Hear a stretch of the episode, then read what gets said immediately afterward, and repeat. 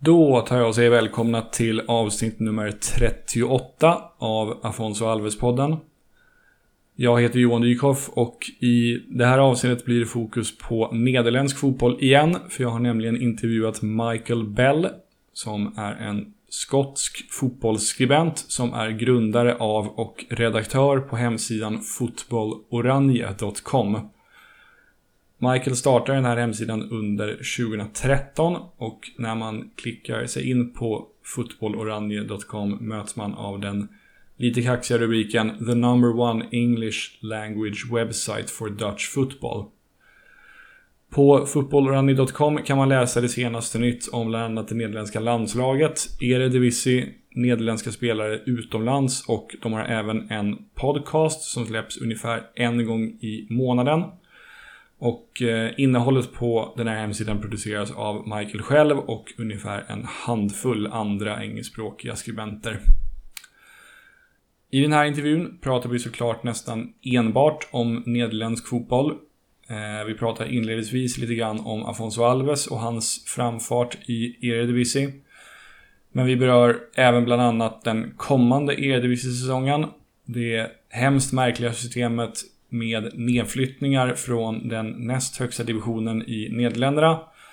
Och avslutningsvis tar Michael ut en topp 7-lista med sina favorit-sydamerikaner som har spelat i Eredivisie under hans år som anhängare till ligan.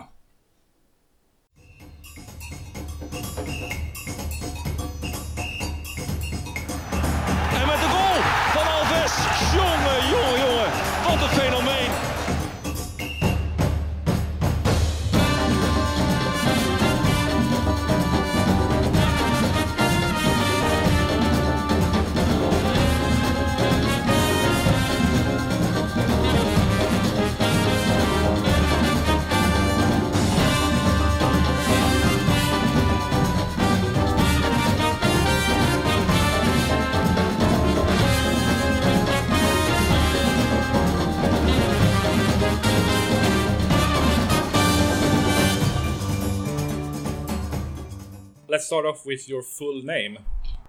Yeah, uh, my name's uh, Michael Bell. No middle names or anything like that? Um, I've got my middle name is John, but I just don't use it. Ah, okay. uh, your age? Um, I'm 28. 20, 28. 28. Oh, sorry. Uh, I wish I was 20. Your hometown and yeah, for sure. Uh, your hometown and your current city of residence, respectively. Um, they're both Edinburgh. Uh, I was born in a small town in Scotland called, a small city called Stirling, um, but I spent my whole life in, in Edinburgh. Okay. Edinburgh seems like a really beautiful city. I wish to go there someday. Yeah, it's got so many stuff for uh, tourists to do. Um, it's- a beautiful city. You don't really appreciate living here for your whole life, but I'm sure if you see it for the first time, it's uh, it's wonderful. Yeah.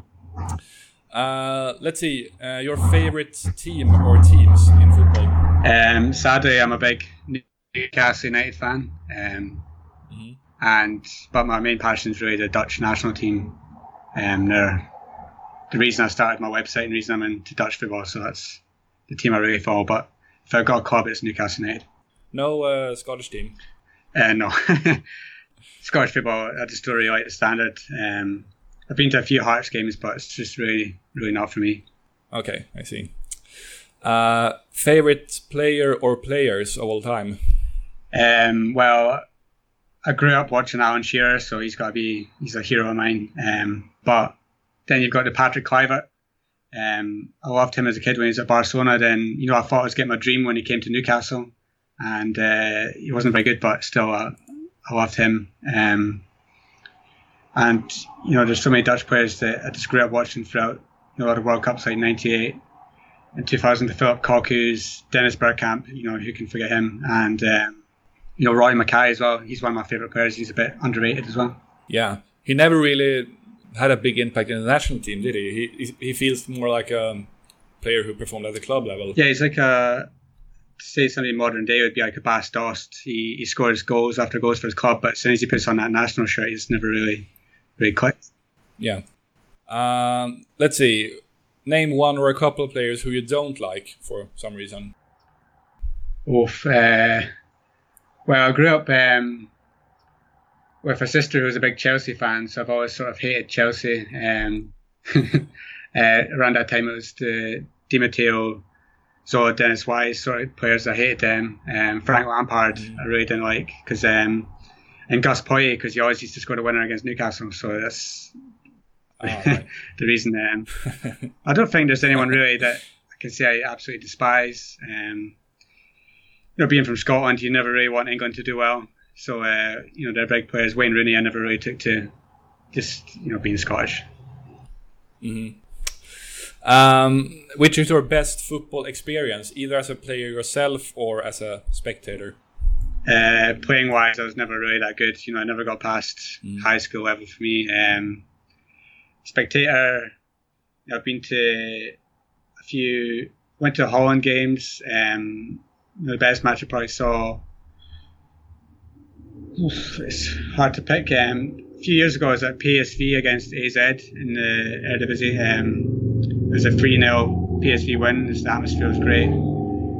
Uh, Adam Maher was uh, the man who, you know, really showcased his, his talent during the game. I think he scored twice, and I just remember sitting watching him thinking, "Oh, he's going to be he's going to be great for PSV," and it never really worked out. I was at the Holland Luxembourg game um, for the World Cup qualifying. I think it was six 0 um, so that's I saw Robben Sneijder, or them turn on the star. That was great. Um, sadly, I was at the Netherlands lost to Czech Republic, um, which sealed sealed it that we weren't be going to the last Euros as well, which is hard. It was a hard game to take, but the atmosphere beforehand was great. Um, I always think sometimes Dutch football games are more like a rave before they actually get going. Just the amount of dance music, and there's usually like DJs mm-hmm. on the outside the stadium. Like they get the atmosphere going beforehand. It's just football on the pitch that day wasn't very good. Okay. Uh, favorite country or city that you visited? Um, the fact that I just love Holland, I've got to say I love Amsterdam. Mm-hmm. Um, think when you say you're going to Amsterdam, a lot of people seem to think it's, it's got its reputation as being, you know, you go there for the, the say the cafes, um, but I think it's got so much more to offer as a city. It's it's beautiful. It's like um, you know living in Edinburgh, everyone says that's a beautiful city, but I think Amsterdam's amazing. With all the canals, the buildings. There's so mm-hmm. much to do. All the art galleries. It's, it's got so much character to it. Um, other than that, I'd say Barcelona as well. Barcelona's a great city. Um, and Rome, I've been to Rome as well. Rome was Rome was amazing. It's probably a few favorite yeah. cities. Yeah. Uh, favorite band or musician? Uh, oof. Uh, I think if I had to pick a favorite sort of genre, it'd be you know alternative indie style. Um, mm. Favorite bands, I love Interpol, um, and sort of bands like Bombay Bicycle Club, um, Foals, just bands like that. I'm really into. Mm-hmm. Do you like Travis, the Scottish band? yeah, I think they sort of peaked uh, after one album, to be honest, and then I think they just sort of disappeared. Really, I, I saw that they were playing a few festivals a couple of years ago, and uh, you don't really hear much about them here in Scotland. It's, it's strange. Oh, okay. I was actually in uh, Brighton three weeks ago and watched a concert with them. Uh, they're doing this tour at the moment, and they were really good. Uh, I really enjoyed that. Yeah, I've never seen them live, but uh, I'm sure they've got the no. the old favourites that they played, you know, for the first couple yeah, albums. exactly. Go down well. Exactly. Uh, I think we'll move on to uh, the main part of the interview. So now, now that we know you as a person a little bit better, um, uh, and to start off, let's just talk uh, a little bit about the player who this podcast is named after. Um, you told me before that um, when Afonso Alves played in the Dutch league, that was before you really started um, to get into Dutch football. But what comes to mind when you hear the name Afonso Alves? What really comes to mind is um, I've obviously seen the highlight reels, and he's a phenomenal striker in Eredivisie. But I think sadly, he's one of these people that sort of garnish a reputation when um, you see a Dutch striker, a, a, striker that's linked with another club in a different league. They go, oh, you know, he could be an Alfonso Alves, as in somebody that gets mm-hmm. bought for a lot of money and then doesn't do anything in the league. Um, being a Newcastle fan, I know he signed for you know their local rivals Middlesbrough, so it's quite funny for me that they paid so much money for them and he didn't really do much. But as it sort of annoys me at this players like him that put this swipe on the Dutch league that you know there's certain players if you see you know running the website links start strikers to clubs and like oh what if he's another Alfonso Alves it kind of annoys me because it doesn't really work like that you know different players will adapt to different leagues a lot different Mhm. um, but you know, he's a good player for here in Heerenveen. You can't argue his, his goal scoring record there. It's just a shame it didn't really work out after that because uh, you know he still had plenty of years in, in him when he left Holland, and it's a shame he didn't really carry on his career after that.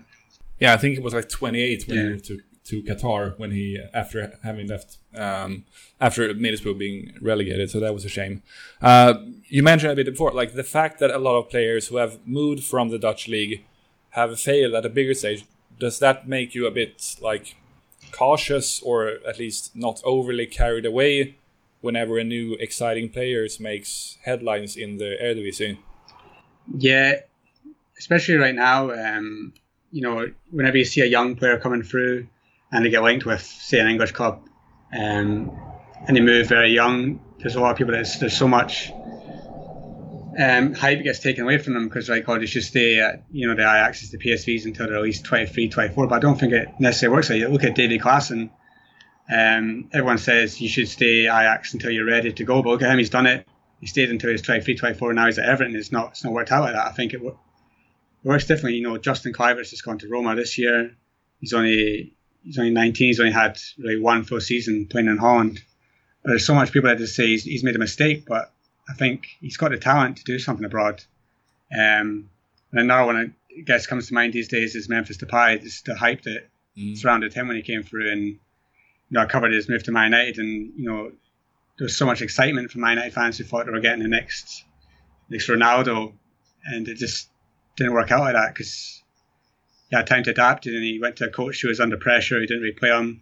Um, if you see him at Lyon now, he seems to have moved more centrally, and that seems to favour his position. And he seems to be shining now that he's under. He's got a coach that kind of believes in him. He's a team that you know, plays to his strengths. Whereas Man United, he was he was an individual, but it had so many other world class players. He didn't really. He wasn't the star.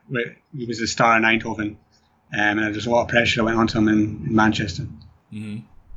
Um, who would you say is um, the player that, like the player with a capital P at the moment in the Eredivisie, like the player everyone is talking about, and who is expected to make a big move sometime soon? And I think if you're looking at Eredivisie now, you're looking at Hakim Ziyech, who is at Ajax. He is in the 23, 24 year old mark. He's he's just started the World Cup from Morocco. I know he didn't get past the group stages, but if you look to their games, I thought they were a bit unlucky. They should he should have beat Iran in the first game, um, and then you know against Spain he did really well. And I think he was a big part of that. And he's getting linked now with um, Roma, but that seems to have gone a bit quiet. And there's even talk of you know Liverpool are meant to be mentioned if they didn't get Fekir, and then even Lyon are getting mentioned if Fekir leaves. So that's three clubs that he could be going to. And you've also got Alireza Jahanbakhsh, the AZ forward, who was the top scorer in the Eredivisie last year. He got over 20 goals, and he's been getting linked with um, with Napoli. And you know, I, I saw like a month ago a strange link with Brighton, and which seems to have gone away because I think he he could do really well at uh, a top team. And also uh, Lozano, of course. Oh yeah, He's, Lozano, right. yeah. Um, he was Yeah. he was a phenomenon last year for PSV when he signed him. He just took to the Eredivisie by storm. Um, even at the World Cup, you know that goal against Germany is. I think if he didn't score that goal, maybe he wouldn't be getting mentioned so much in the press. But since he scored that, and there's so much hype at the World Cup, there's these players that you know they come off the back of a World Cup, and uh, you know they sign for big clubs. You've got to look at the Senegal squad from was it 2002, the Juice and that that went to big clubs after performing the World Cup, and I think Lozano's in that category. Now it's a shame for Dutch because he's only been there for a year and he's got you know a five year contract, and you're wondering why you know PSV are going to play in the Champions League maybe next year if they can qualify. Why can't they keep hold of him? But you know if clubs are coming in with 40, 50 million, it becomes you know, impossible. Yeah. Um, continuing on the topic of Brazilians just for a bit, um, what are your impressions of uh, what is name, David Neres of Ajax? Uh, he's really fun to watch, I think. Yeah, he's he's a great watch. Um, when he signed, he signed in the January, and he had a few months where he maybe wasn't spectacular. I think he was just getting used to Dutch league. But last season, um, he was unreal. He's he's just such a fun player to see dribbling. He's that's his, I think his main strength is just he can take the ball past players easy. I think he terrifies defenses. Um, he, he mm. scores goals. He weighs on assists. He got double figures for both last season. Um, I think he's the full package, and it's going to be exciting to see what if Ajax can, you know, they're going into the Champions League qualifiers as well. If they can keep some of their players and they can get through there, I think he's one that can definitely take them far in Europe. I hope so. Um, can you explain a bit how and when your interest in Dutch football was uh, was born?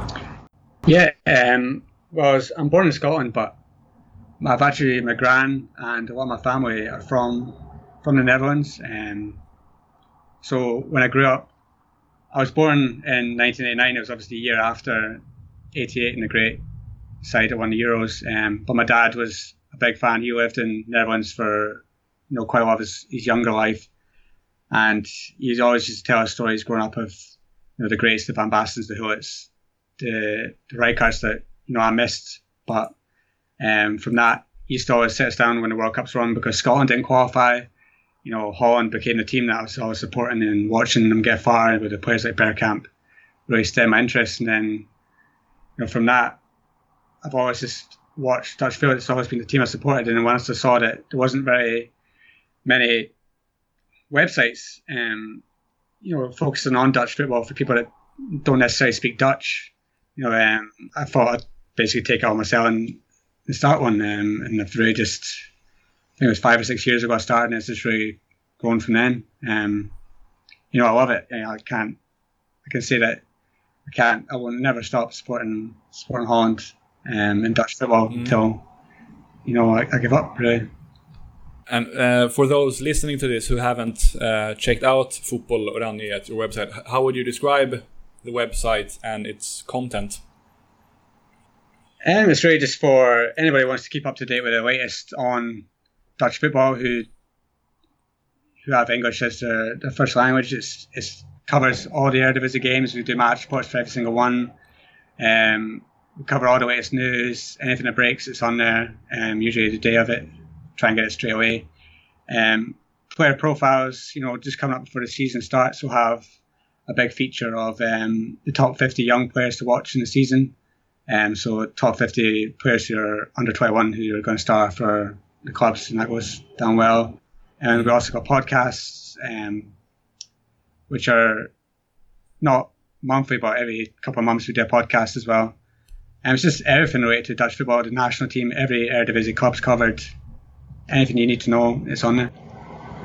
Uh, is it easy to uh, follow the Eredivisie from the UK? Like, are the games broadcasted over there?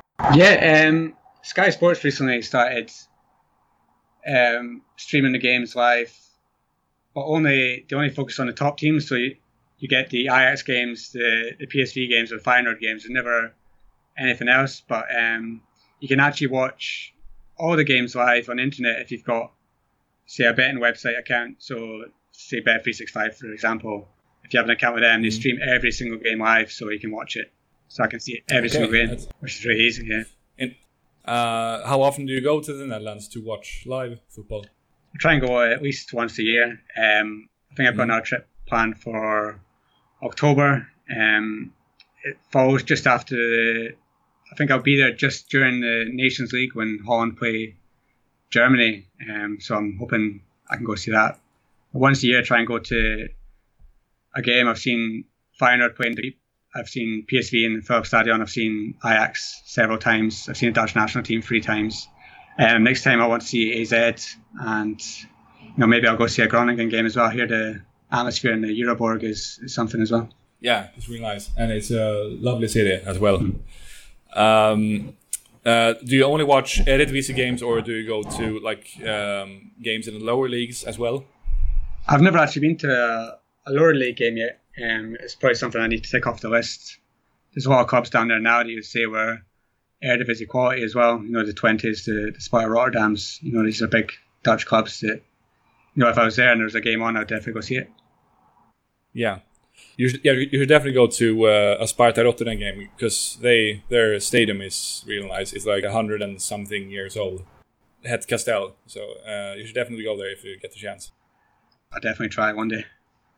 Um, let's see. Moving on to the upcoming Eredivisie season, which starts in almost exactly a month.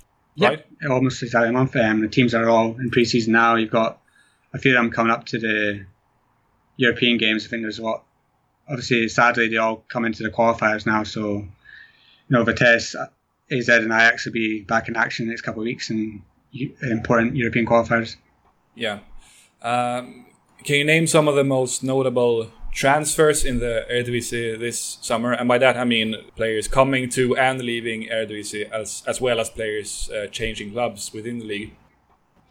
Yeah, I mean, um, if you look at Ajax, I think they've done the, the biggest business so far in recruiting Dusan Tadic um, mm. from Southampton. I think that's for a player that of his age, he's coming into the prime of his career to leave the Premier League for the Eredivisie is, is massive. You know, it's for years it's always been the other way around. You know, players go from the Eredivisie to the Premier League and then they maybe come back when they're over the hill. But Ajax are getting a, an outstanding player who can really take the, the league by storm next year. I'm expecting big things from Tadic. He obviously had years at Groningen and, and FC Twente. He was he was excellent then, so I can't wait to see him what he does what he does next season. Um, also, Daley Blind is meant to be coming back from Manchester United. That's meant to be getting done in the next uh, 48 hours. That deal. Mm-hmm. Um, so that's another one big one for Ajax. Um, if you're looking at other sides, PSV haven't really got going in the transfer window yet, but I think they're waiting um, because they expect interest in their players, and I think they're only going to move for other players should they should they should they leave, like Luuk de Jong um, Hirving, Hirving Lozano, I think they're waiting for the big money to come in for them before they start recruiting. And Feyenoord, they've they're looking at bringing back a few of their players. Um, you know, I think that's a tradition in Holland. They always, especially at Feyenoord, they always seem to look back to their their stars to have left and see if they can always try and bring them back. You've seen Dirk Kuyt come back, Robin van Persie came back. Um, now they're trying to bring back Daryl Janmaat from Watford they're trying to bring back Jordy Clasie from Southampton, and that one looks like it's going to go through because um, Karim El Ahmadi has left for Saudi Arabia, so that basically frees up space for Jordy Clasie to come back. Um, but they've also signed Yassine Ayoub uh, from Utrecht, who's a, lovely little player. He's, he's 24, 25 now, but he's always seemed to be on the cusp of, of moving from Utrecht, but he always stayed another year and another year. And this is finally his big move. He's a small player, but he's he's a battler and he's he's very creative. Um, I think he's a very interesting signing for them. Um, elsewhere, Groningen recently sold uh, Bacuna to Huddersfield Town. He's a very exciting mm. um, young Dutch midfielder. Only 2021, he's just gone to Huddersfield Town. But they've made permanent. Last year on loan, they had Ritsu Doan, who's a very exciting Japanese talent. Um, but they've brought him back to the club permanently, which is which is huge for them. Um, I know they don't have much money, but they paid one or two million to bring him to the club, which is massive for them. Another interesting one is uh, ADO Den Haag, um, who have Chinese owners. Um, they recently signed Yuning Zhang, who, if you remember, used to play for Vitesse um, for two years, and he had a lot of hype on his name. I think he was seen as the biggest Chinese talent to come through in years. He never really did it at Vitesse. He was always really a reserve and a sub. Um, but then out of blue, West Brom decided to pay eight million euros for him. Um, and but he couldn't play him because he didn't have a work permit. So he sent him to Werder Bremen. He didn't play there, and now he's back in the Netherlands. I think he's got something to prove next year. Um, ADO Den Haag, who have Chinese owners who are obviously going to love the fact that they have a Chinese player. I think he's going to be key for them next season as well. Okay.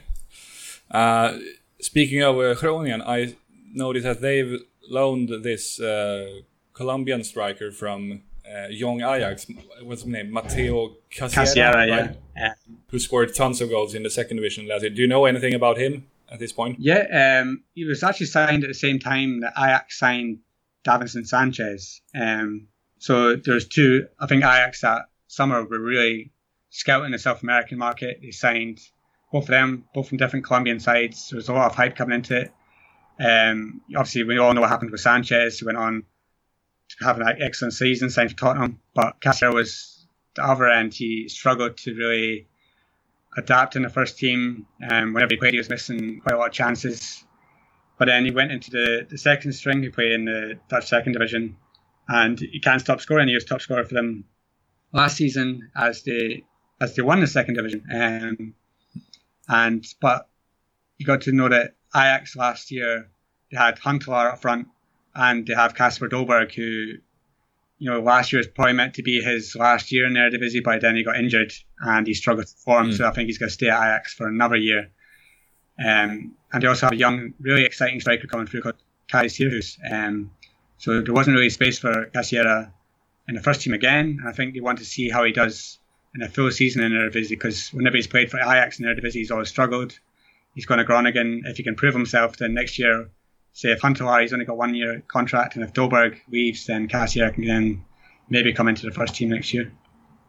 Okay, I thought that um, non-EU players couldn't play in the Dutch second division, but apparently they can because, well, Cassierra did. So, maybe, or maybe he has like a Spanish passport or something like that. Maybe. Um, I think the second division now is changing rules left, right, and centre. I think you know these young Ajax and young PSV teams. I think it's all it's all changed the past couple of years. Um, I'm not really sure on that one. Okay. Um, do you have any expectations on? Uh, Afonso Alves' former club Heerenveen going into this season? Heerenveen, um, I always like Heerenveen. I think they're always a nice club to watch. They always seem to have a few youngsters that are coming through. If you look at Ziyech started there, Daley Sinkgraven, um, Odegaard from Real Madrid was there the past couple of years. And once again, they've got quite a few talented players. They've loaned um, Sam Lammers from PSV. He's uh, an exciting striker who plays for the Dutch under 21s. Again, he's another one that's got you know, somebody ahead of him in the pecking order, and Luuk de Jong. And it's interesting he's got a point to prove it Heerenveen. And Kik Pierie, he's a 17 year old who, born in America, but, you know, he seems to be um, playing for the Dutch under 19s at the moment. Um, he's a big talent. He's already been linked with the likes of Manchester United, Manchester City. He's 17. He's already first choice for Heerenveen in the back line. Um, I think if they can sort of in midfield, I think losing Odegaard, you know, makes them lack a bit of creativity. But if they can add to that, and I think they can have a good season and push for Europe. Yeah. Um, what do you feel about the newcomers, uh, Fortuna Sittard, De Graafschap, and uh, FC Emmen? Is there any one of them who you feel have a decent chance of avoiding relegation this year? I think it's going to be difficult for all of them because I think if you went into last season and you're going to pick somebody to come up, I don't even think Emmen or De Graafschap maybe would have came into that talk at all, especially for Fortuna Sittard to know, the past few years they've been struggling with you know going bankrupt and now they're suddenly in the mm. top division. Their best player last year was a young defender called Perr Schuurs, who is their captain and they've sold him to Ajax. So you're wondering how they're going to cope without their best player. And Emmen and De Graafschap, sorry, they don't really have any We've not really made any signings so far that I'm like, oh, that's that's going to be great. But you know, you never know these teams always come up. They seem to they seem to sometimes like VV Venlo last year. They're a small club, tiniest budget in their division, but they had a good coach in Maurice Steijn, and they managed to get enough points in the first half of the season to to stay up. If I was going to pick one of them, I'd say Fortuna Sittard. Think they've got a bit more up front, and a few more interesting players there.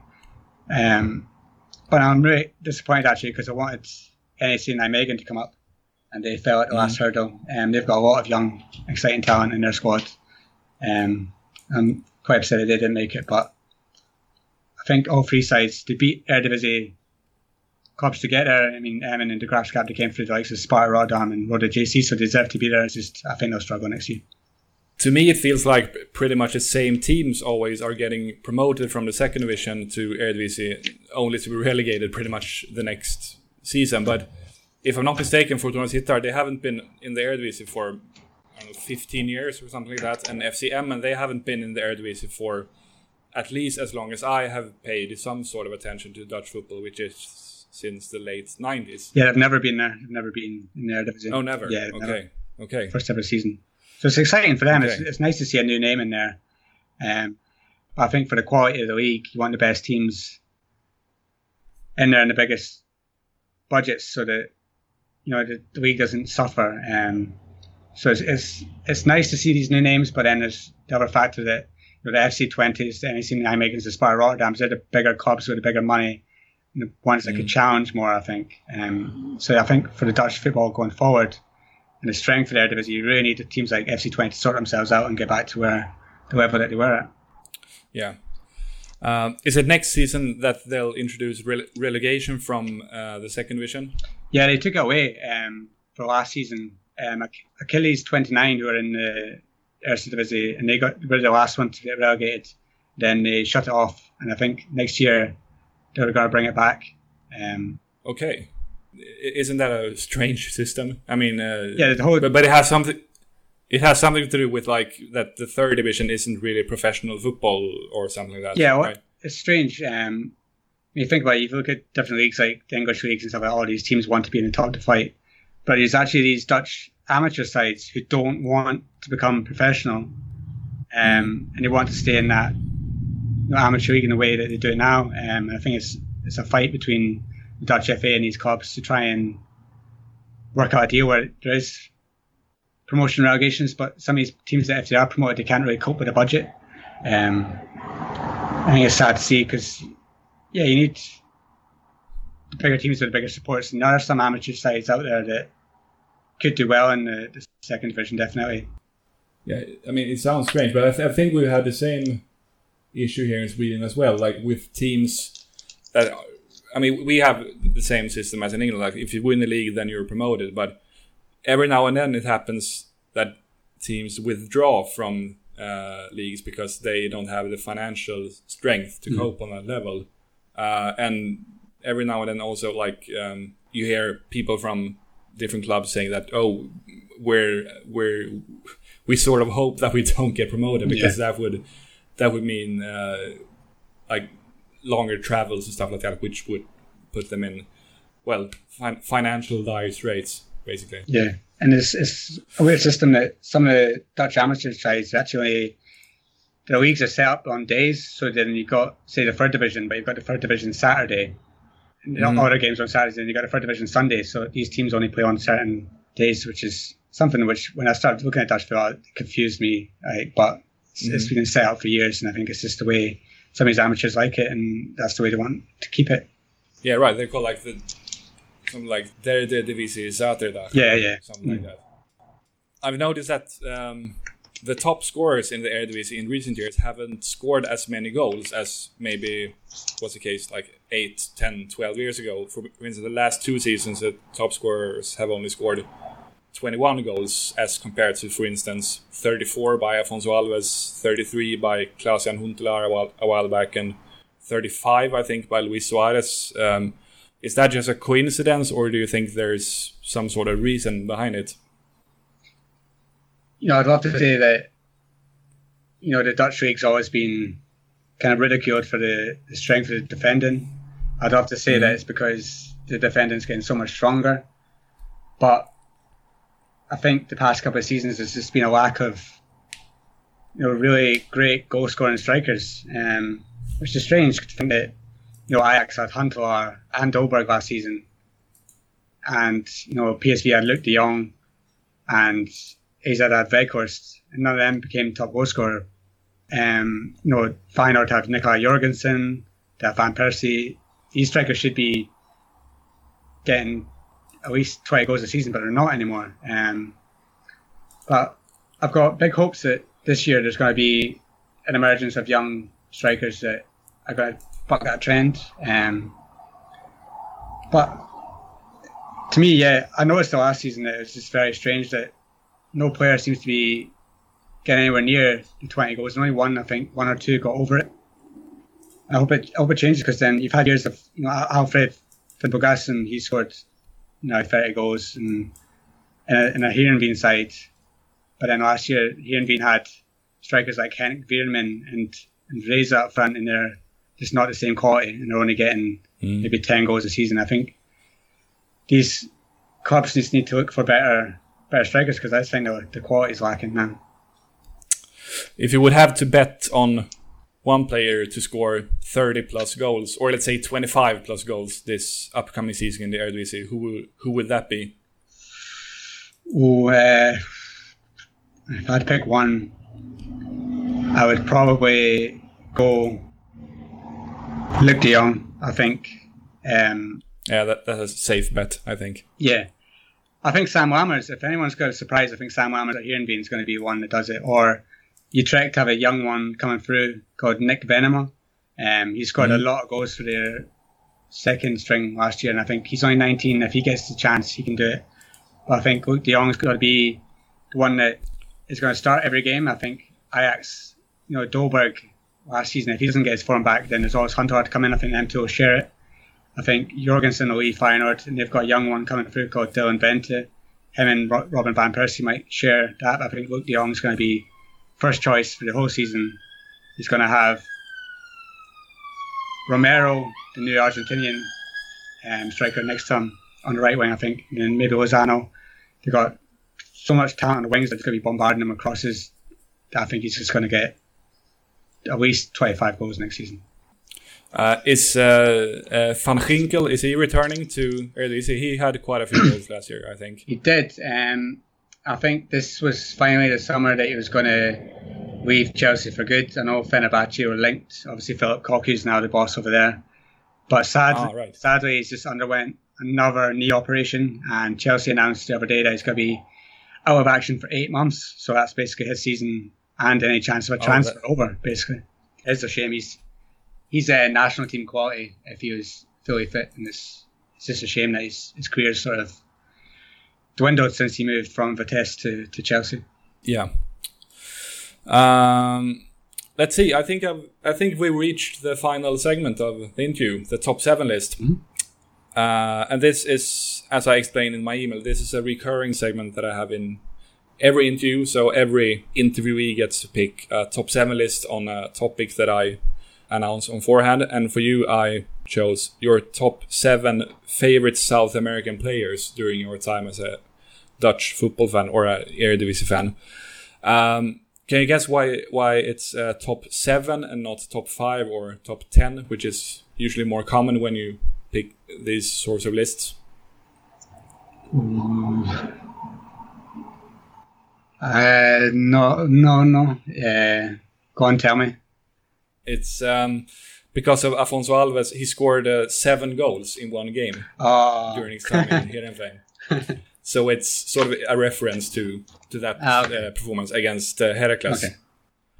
So uh, you can get started. Yep. You can start from uh, number seven and then move on up, and also include a short like explanation for every player as well. Yep. Um, just before I start, um, these are the seven that I've picked that I enjoyed watching the most, and who during my time watching were my favourites. Um, you know, if I was going to pick the top seven South American players to play in the Eredivisie, it'd be different because you'd have the Romarios, the Ronaldos, maybe Alfonso Alves would get in there, but these are the players I think I've, I've enjoyed the most. Um, number seven is probably a surprising one.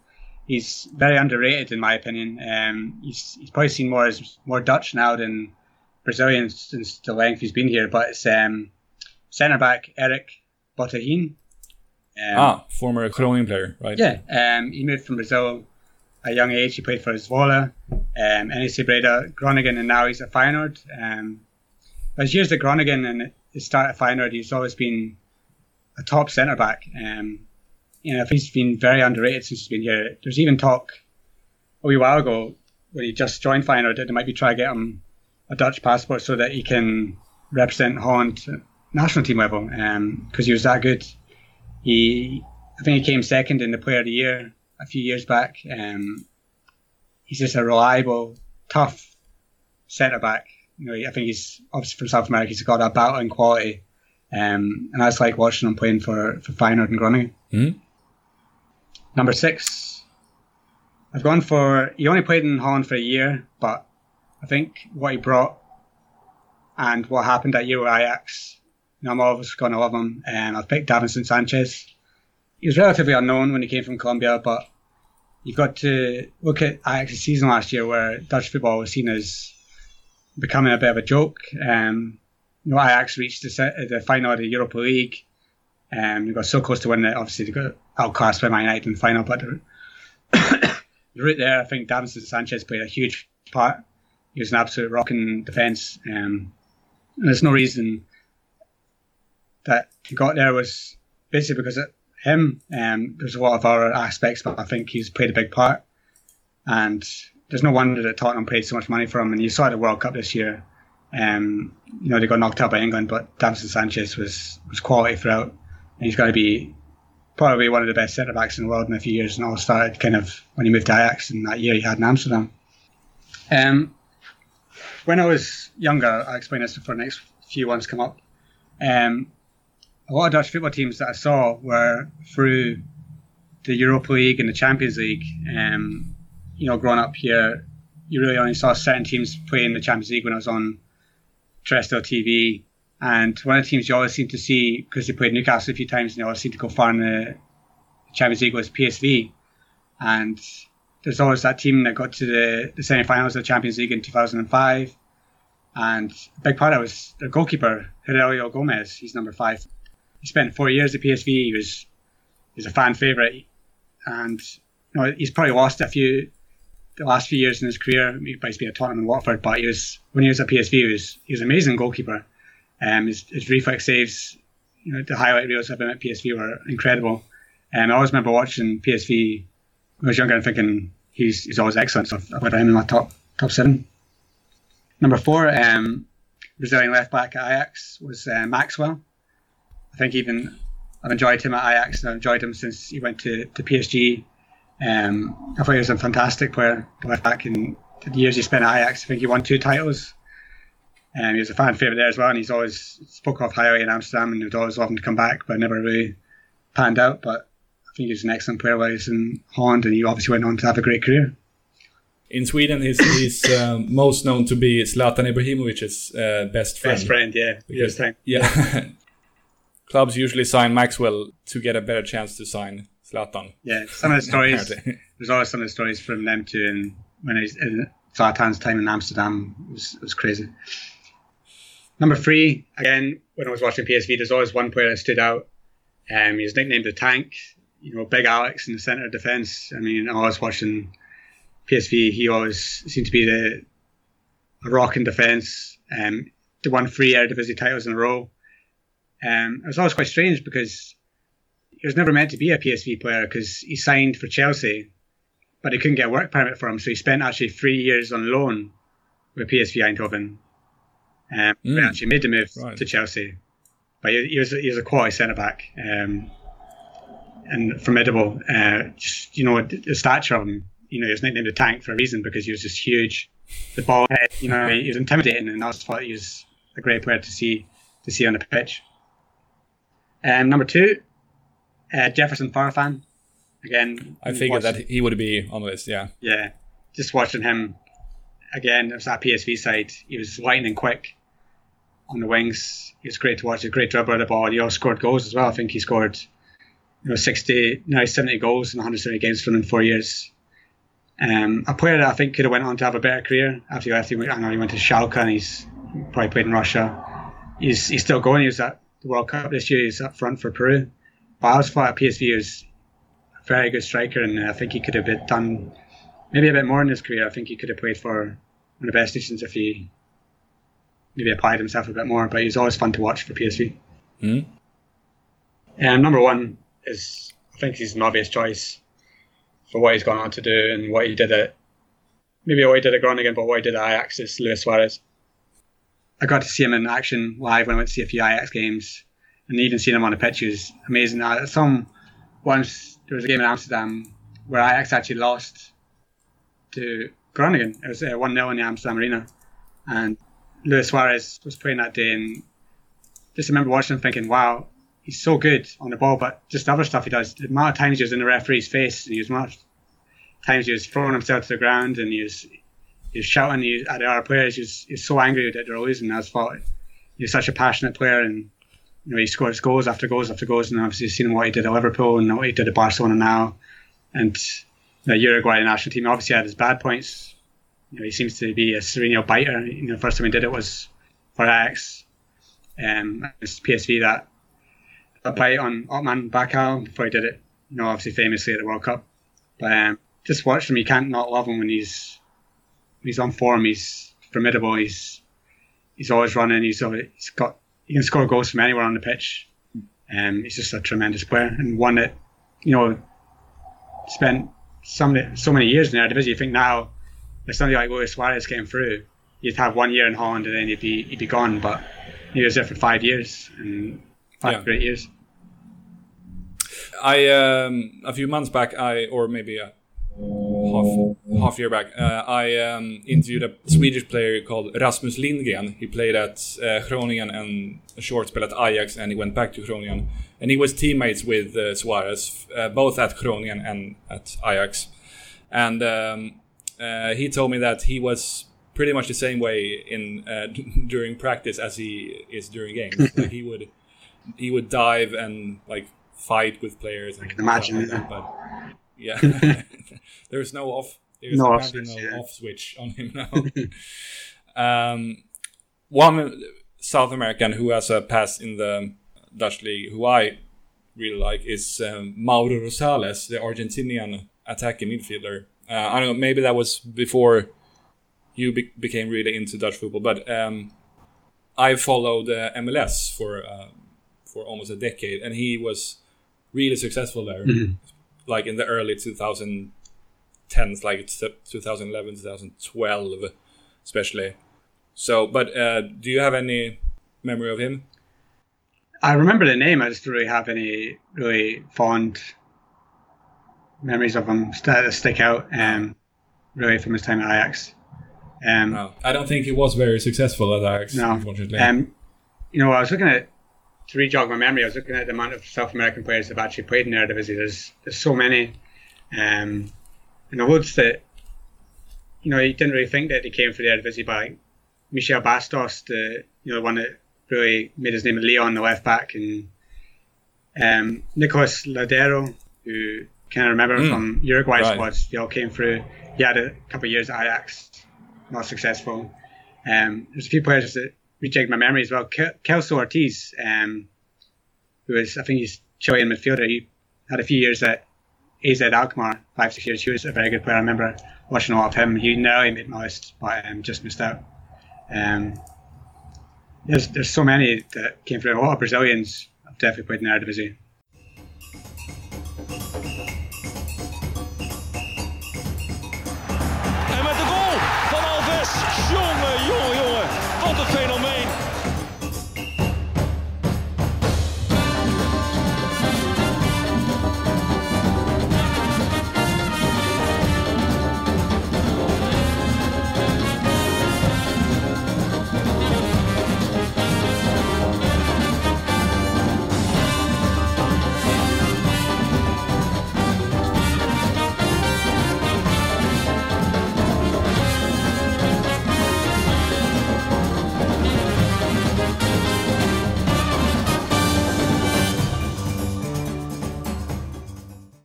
Sådär ja, då tar vi och tackar Michael Bell för att han tog sig tid att ställa upp på den här intervjun och vi önskar honom såklart all lycka och medgång framöver med fotbolloranje.com och allt annat han tar sig för också. Eh, Eredivisie-säsongen 18-19 börjar som sagt om ganska precis en månad och vi håller såklart tummarna för en kul säsong där. Gärna med en del svenskframgångar och Kanske också med en annan ligasegrare än PSV, Feyenoord eller Ajax också. Det var ju ett tag sedan sist, så det vore kul. Eh, fler intervjuer är på gång av lite olika slag. Sådär. Dels några till med fokus på Nederländsk fotboll, men även lite annat. Så det är bara att hålla utkik efter nya avsnitt. Eh, jag åker ner till Nice på semester på fredag nästa vecka och det är väl tveksamt om jag hinner styra ihop något mer avsnitt innan dess. Men vi får se. Eh, ha det så bra så länge, hur som helst, och på återhörande. Tja tja!